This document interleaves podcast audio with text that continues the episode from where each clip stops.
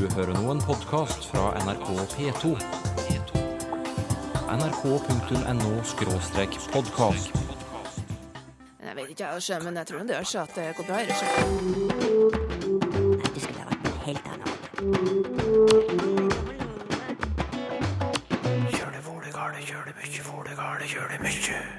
Språkforskere gir ny forklaring på navnet Norge. Alle lærebøker og alle ordbøker må skrives om når det gjelder landsnavnet vårt. Hva assosierer du med ordet klimaendring?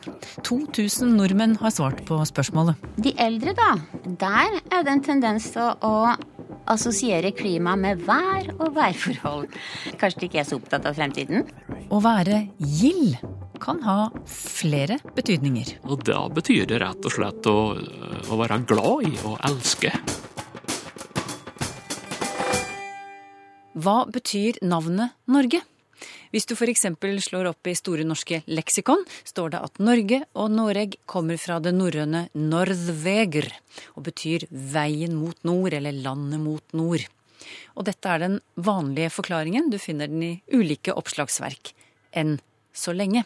For språkforskere rundt om i landet har i flere år arbeidet med et stort, nytt verk om norsk språkhistorie, som skal være ferdig i 2016. Og i dette verket lanseres en annen tolkning av navnet Norge. Det er Mikael Schulte, språkprofessor og runeforsker ved Universitetet i Agder, som skriver om dette i den nye språkhistorien. Han tviler på at Norge og Noreg betyr veien mot nord. Det er altså flere argumenter for at denne tolkningen ikke stemmer. Og vi har noe altså Først har jeg egentlig lyst til å si noe om norsk språkhistorie, som er altså dette nye verket. Spør først og fremst hvordan og hvorfor forandrer seg språket hele tiden. Og en av de mekanismene som vi ser, er bl.a. folkeetymologier. At vi stadig vekk tolker om ord som vi ikke forstår. For eksempel har vi tatt inn i språket feuilletong som følgetong på norsk, som egentlig på fransk heter liten fortelling som hos oss hadde fått en ny betydning. Og det samme tror jeg har nettopp skjedd med navnet Norge. Mikael Schulte trekker fram flere argumenter for at veien mot nord, eller Nordveger, er feil tolkning av navnet Norge. Det ene argumentet har med den norrøne bokstaven ev å gjøre. Altså denne d-en med en strek på, den som fremdeles fins i islandsk, og som vi har i ordet Norðveger. Når vi ser på slike navn, så er jo det viktigste å finne tidlige belegg i materialet, og her har vi runeinnskriftene. Og vi har to viktige runeinnskrifter fra kristningens tid, kan vi si. En fra Norge og en fra Danmark, mm. som begge to har dette ordet Norge. Og det som slår meg, er at i begge tilfeller er ordet skrevet eller stavet uten denne ed. For på den danske Gjellingsteinen fra rundt 960 etter Kristus leser vi formen Noreg. Og første gang Norge er nevnt i en norsk kilde, det skjer rundt år 1020 på Kulisteinen på Nordmøre. Da er formen Noregi. Verken ordet norder, altså nord, eller lyden ev er til stede i disse navnene på Norge. Det signaliserer antagelig at vi kan ha med et annet ord å gjøre. Altså at det er snakk om et annet ord, rett og slett, enn dette mm. ordet for nord. Mm. Norder. Ja. Men så har du et argument til for at Nordveger, eller veien mot nord, ikke stemmer når det gjelder tolkningen av navnet Norge. Og det har med lang og kort vokal å gjøre. Kan du ja. forklare det? Ja, jeg prøver å forklare det sånn veldig enkelt. Altså, Vi har jo den fantastiske islandske, norske, norrøne skaldetradisjonen på 900-tallet og fremover. Og uh, denne diktningen har forholdsvis uh, strenge poetiske krav, altså lange og korte vokaler i gammelnorsk, er avgjørende for å kunne rime. Altså en, en kort vokal kan ikke liksom rime der vi skulle forvente oss en lang vokal. Og uh, Altså eksempel lange vokaler kan bare rime i, med lange vokaler i en adalhending, altså i full rim, så å si. Full innrim. Og i flere skaldedikt ser vi at både ordet stor og andre ord med lang vokal rimer på ordet noreger. Siden kravene til rim var så strenge, så må det bety at vi også har lang vokal i stavelsen nord, som vi da finner i noreger, mener Schulte. Hva beviser det? Ja, det beviser egentlig kort sagt at ordet north, norther, ikke passer i denne forklaringen. At her må det, må det være et annet ord som ligger til grunn. rett og slett. Ja, hvorfor passer ikke nord eller norder? Ja, fordi denne orden er rett og slett kort, Ah. og har aldri vært lang. Det vet vi. Mm. Så, så det må være noe annet enn ordet for himmelretningen nord? Et ord med lang O Ja. i, i dette navnet Norge, Riktig. slik det opptrer i Ja. disse skaldeversene du har eh, vist til nå. Så hvilket ord kan det da være? Ja, så har vi selvfølgelig alternativer. Blant annet eh, nynorsk nord, altså nord-intetkjønnsord, som betyr noe trangt, et smalt sund eller en trang vik, som også er i slekt med engelsk narrow. Og uh, vil, eh, det er flere forskere som har lagt merke til det, blant annet Adolf Norén, en svensker, allerede rundt 1900. og så det er flere forskere som peker på det, så kanskje jeg er den første som skriver språkhistorie. Så, og, og vi har selvfølgelig dette ordet også i gammelnorsk, når. Så langt har vi altså to argumenter for at navnet Norge ikke kan bety veien mot nord. Vi har fraværet av bokstaven ev, og vi har lang o, som i ordet nord. Trang fjord eller smalt sund. Og til og med et tredje argument, som er i mytologien. Det at vi i den gamle historien til eh, norgeshistorien har en konge som heter Nor, eller Nori, og den som på en måte befolket Norge og grunnla Norge, og uh, han har selvfølgelig også en lang vokal. Ja, Men er det han som har gitt navn til landet, eller er det landet Ja. som har gitt navn til ham? Det kan man selvfølgelig spørre seg. I hvert fall de to har absolutt samme etymologi. Nori blir forklart som den sammenskrumpede, altså det er også et dvergsnavn. Altså den smale, den, den sammenskrumpede, som for en dverg, eller også en sjøkonge, og eh, så, som sagt den første kongen uh, i Norge. Men hva skulle da navnet Norge bety med denne nye forståelsen?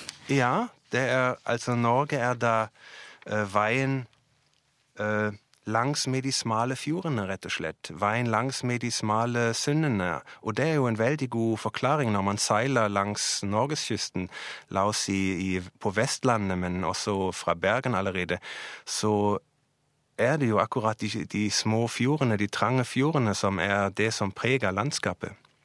Geirangerfjorden, for eksempel. Og at språkforskere nå slår fast at navnet Norge ikke betyr veien mot nord, slik vi har trodd i mange generasjoner. Hvilke konsekvenser får det? Ja, det får eh, på en måte ganske store konsekvenser. Altså alle lærebøker og alle leksika, alle ordbøker, må skrives om når det gjelder akkurat eh, dette landsnavnet, altså landsnavnet vårt. Ny tolkning av navnet Norge, det fortalte Mikael Schulte, språkprofessor og runeforsker ved Universitetet i Agder. FNs klimatoppmøte i Paris har vart i én uke nå. Et sentralt ord under møtet er klimaendring. Hva tenker du når du hører eller leser ordet? Akkurat det spørsmålet fikk over 2000 nordmenn anledning til å svare på i en stor spørreundersøkelse som ble publisert tidligere i år. Undersøkelsen er en del av et prosjekt som ser på hvordan språk og retorikk påvirker klimadebatten. Og dette Linklim-prosjektet ledes av deg, språkprofessor Kjersti Fløttum ved Universitetet i Bergen. Hvorfor ville du spørre folk om ordet klimaendring? Jo, det har seg sånn at i, det, i dette Linklin-prosjektet som jeg leder, så undersøker vi jo både hvordan klimaspørsmålet blir formidlet, og hvordan det blir forstått eller tolket. Og så med den mangesidige debatten som nå foregår om klima, i ulike sammenhenger, som vitenskap, politikk, media og andre, så er det da interessant å vite mer om hvordan folk flest blir påvirket. Hva de legger i selve ordet. Så nå kan vi si at vi har et eh, dokumentert bilde av hva, vi, hva representa, et representativt utvalg av, av Norges befolkning assosierer med klimaendringer. Og da må jo jeg ile til å spørre, ja, hva svarte de? Hva, hva forbinder nordmenn med ordet klimaendring? Det skal jeg si det var mye interessant. Og svarene de varierte fra å referere til det helt rent fysiske på den ene ytterkanten, til det mer subjektive og ganske følelsesmessige på den andre kanten. Men eh, ved hjelp av våre metoder da, så fikk vi jo til å samle svarene, sånn at vi kunne på en måte presentere de i fire ganske brede temabolker. Og hvis du vil vite hva som var det hyppigste osv., så, videre, så kan du det. Ja, vær så god. Eh, det hyppigste var ikke overraskende værfenomener. Altså med ord som ekstremvær, issmelting, temperatur, uvær, flom osv. Ja. Så det var ikke så overraskende. Men så var det tema nummer to. Og det dreide seg veldig mye om fremtidsperspektiver. Og som særlig var knyttet til, til det ganske dramatiske, de negative mulige konsekvensene for mennesker. Og mye ord som, mange ord som fare, farlig og ikke minst barn og barnebarn. Man, her var man opptatt av fremtiden for sine barn og barnebarn. Og så var det det tredje. Det refererte veldig mye til forbruk og penger. Altså til eh, de negative konsekvensene av eh, forbrukersamfunnet, kan vi si da. Og så var det det fjerde. Det var om årsakene til klimaendringene. Den store diskusjonen som har pågått om eh, det er naturlige endringer versus i, i stor, stor grad er det menneskeskapte endringer. Men du, hvor, hvor i befolkningen hører disse ulike kategoriene hjemme? Hvem er det som assosierer ordet klimaendring med hva? Ja, vi kunne ha gjort, sagt mye om dette i detalj, men, men det som vi eh, så på i eh, særlig, det var alder. Fordi at vi også er interessert i, eh, i særlig hva de unge mener og sier. Så når vi kombinerer funn med f.eks. alder, så ser vi at de yngre de vektlegger fremtid, fremtidsperspektiver og de mer menneskelige, samfunnsmessige forhold. Mens eh, de eldre, da Der er det en tendens til å, assosiere klima med vær og værforhold. Så, de, så de virker ikke som de er, kanskje de ikke er så opptatt av fremtiden. Eh, bortsett fra når eh, det gjelder barn og barnebarn, da. Men, men altså, det kan nok kanskje forklares på, eh, på litt annet vis òg. Eh, at det kan skyldes kanskje at de gjennom sitt liv ikke har fått så mye kunnskap og informasjon om, om klima som det de yngre har. For nå, de yngre har jo fått veldig mye informasjon gjennom hele oppveksten nå. Men at vi assosierer så ulikt rundt eh, ordet klimaendring. Du har jo vist flere kategorier vi, og flere stikkord som vi bruker som går i litt forskjellige retninger. Hvordan kan det påvirke de klimadebattene der dette ordet brukes?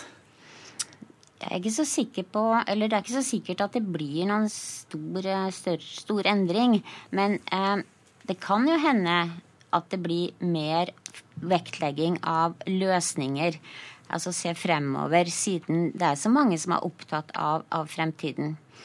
Jeg tenkte også at eh, det kan føre til at det blir vanskelig å enes om en felles målsetting. F.eks. Eh, når det gjelder hvilke tiltak som skal gjennomføres. Så det er klart, når, når meningene går i mange retninger, så kan debatten også komme til å gå i mange retninger, og slik sett vanskelig å enes om noe som man etter hvert må enes om. Men etter nå da å bli, ha blitt kjent med ja, over 2000 nordmenns tanker rundt ordet klimaendring, hva er det som slår deg, først og fremst? Det som først og fremst slår meg, det er mangfoldet. Det er mangfoldet av meninger og holdninger. Og så det andre, det er engasjementet. Og det er tydelig i de svarene jeg har fått. Og det er ganske interessant, for det har jo vært en god del meningsmålinger som, eh, hvor det viser seg at det går litt opp og ned med dette engasjementet for, for klimaspørsmålet. Men i de frittformulerte svarene her som vi har fått, så ser vi et tydelig engasjement. Nå har jo dere undersøkt ett ord og hva folk assosierer til det ordet. Eh, det er jo mange ord som går igjen i, i miljø- og klimadebattene. Eh, hvor eh, avgjørende er, er det hvilke ord man velger, når dere nå ser at de oppfattes, kan oppfattes ganske ulikt? Jo, det, det, er klart at ordene er viktige i seg selv. Men det jeg har lyst til å si da, er det vi har sett, er jo at det er ikke bare ordene, altså. Det er veldig mye innrammingen av det som formidles. Altså hvilket perspektiv man legger på hele dette store klimaspørsmålet.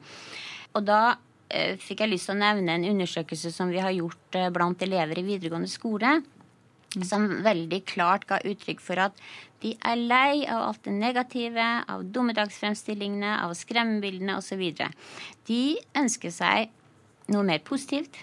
De ønsker seg mer vektlegging på muligheter, på noe som kan gjøres, hvor, vi, hvor de kan bidra osv. Og, og da eh, kan man jo tenke at med den hyppige bruken ha, som vi har fått nå av uttrykk som det grønne skiftet, eh, så kan det bli mer av dette perspektivet, nemlig om mulighetene. Selv om uttrykk som det grønne skiftet trenger å bli bedre eh, konkretisert eller spesifisert enn det vi ofte ser foreløpig. Det sa Kjersti Fløttum, språkprofessor ved Universitetet i Bergen. Hun leder Linklim-prosjektet, som i samarbeid med Norsk medborgerpanel undersøker hvordan språk og retorikk påvirker klimadebatten.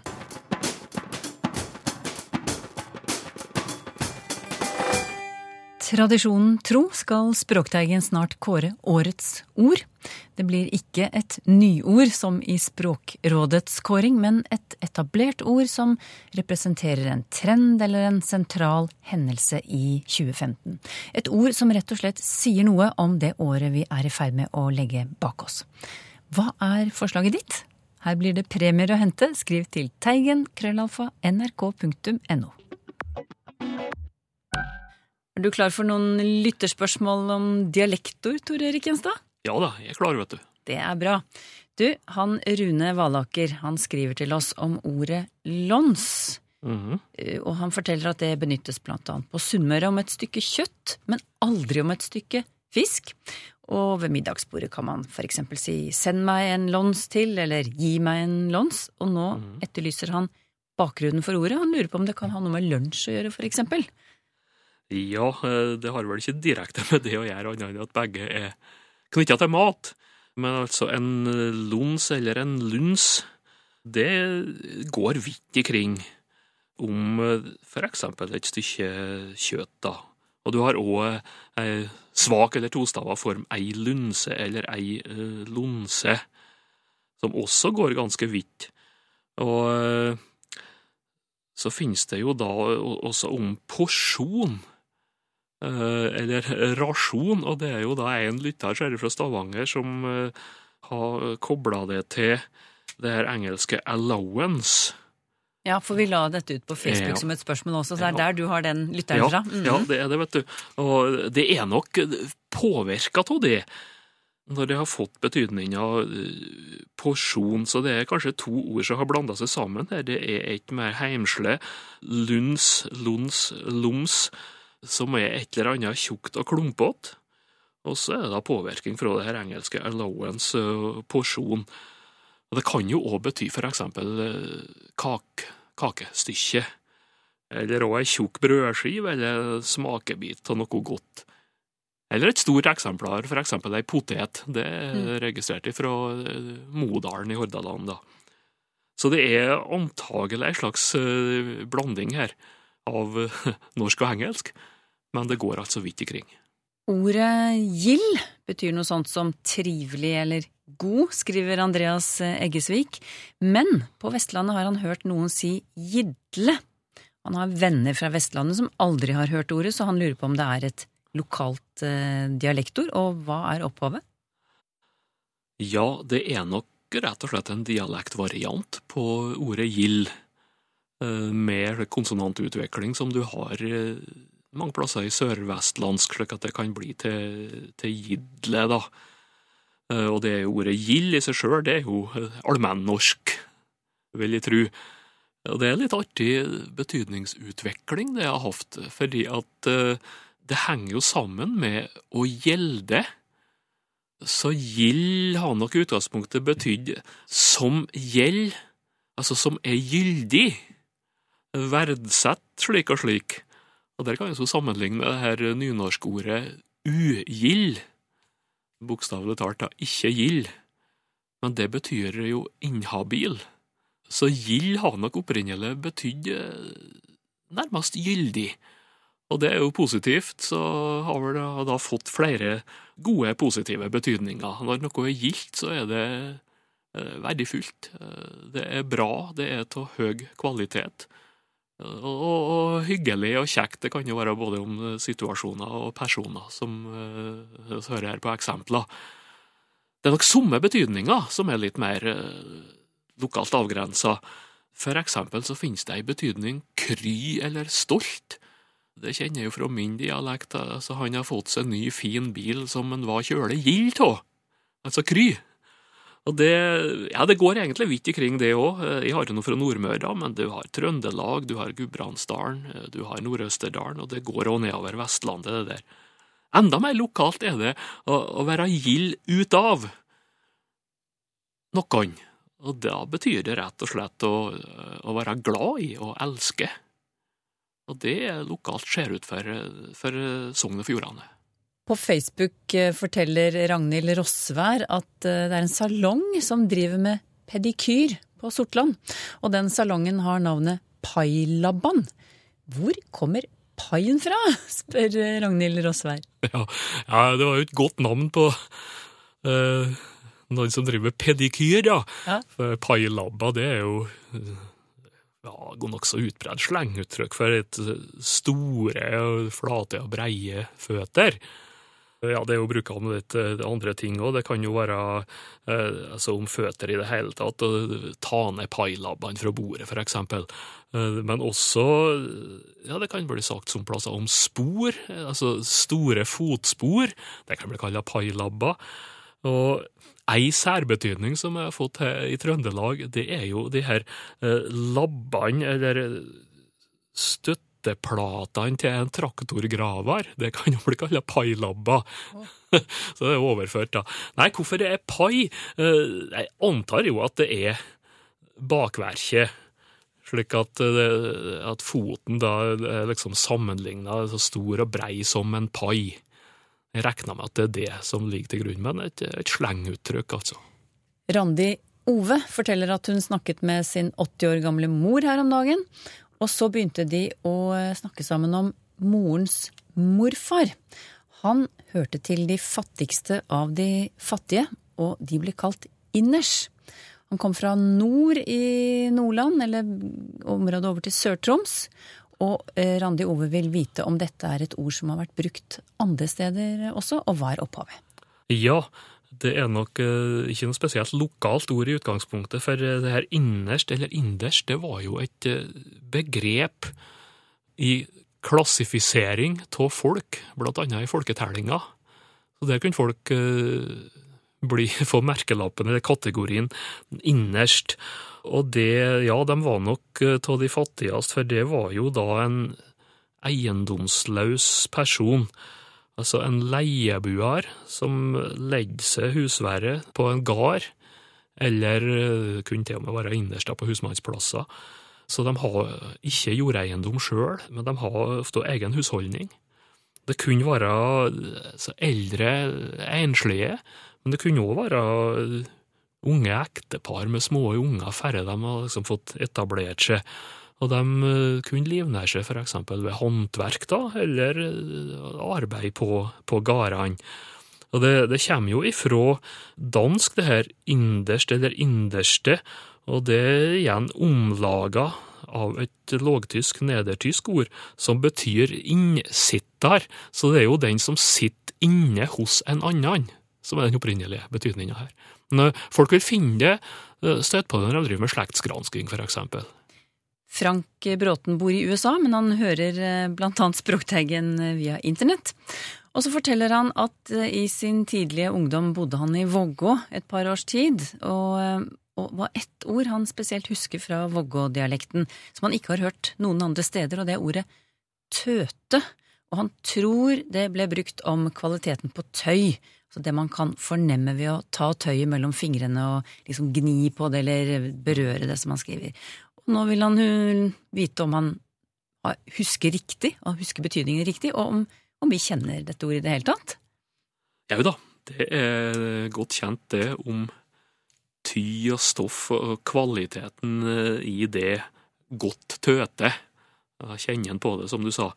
Eh, og det der ser ut for å være et midtnorsk ord, da. Eh, Gudbrandsdalen er jo nettopp et område der det er registrert i Norsk ordbok. Og du har òg Valdres, Hallingdalen, Uvdal, eh, Numedal. Og så går det da over i Trøndelag sommerplasser, blant annet Oppdal. Og Søndalen innst på Nordmøre, der jeg kommer ifra. Hans Rås har det også fra Sogn. Så det ser ut for å være et slags sentralnorsk ord der som Eh, forekommer på, begge sidene av eh, Dovrefjellet. da. Det har òg ei eh, anna betydning, og det er om ull som er kara og som er ferdig klar til å spinnes. Det er også Gudbrandsdalen, Østerdalen, og det og går over i Oppdal, og det går vestover til Sogn og Fjordane. Og da har du altså slik som høsttøte og vårtøte om den ulla. Og det er visstnok avleda til ordet to, som betyr mye i det samme. Altså godt to, godt tøte. Men to eh, bruker han jo òg litt mer abstrakt. Ja, det kan være eh, om folk, altså sinnelag, temperament og, og, og styrke. Også kroppslig godt to. Tøte er altså avleda av to. Og de to orda der har ganske parallell eh, utvikling i betydning. Og det finnes da paralleller i islandsk og i svenske dialekter. Har du spørsmål til Språkteigen? Skriv til Teigen, krøllalfa nrk.no, eller til Språkteigen, NRK P2, 7005, Trondheim. Så finner du oss også på Twitter og på Facebook. Hvordan skal dialektbrukerne i NRK snakke på lufta? Pass særlig på at du har konsekvent flertallsbøying. Om du til dømes sier jentene og guttene, må du også si politikerne og ikke politikerne. Om dialektrøkt i NRK neste gang.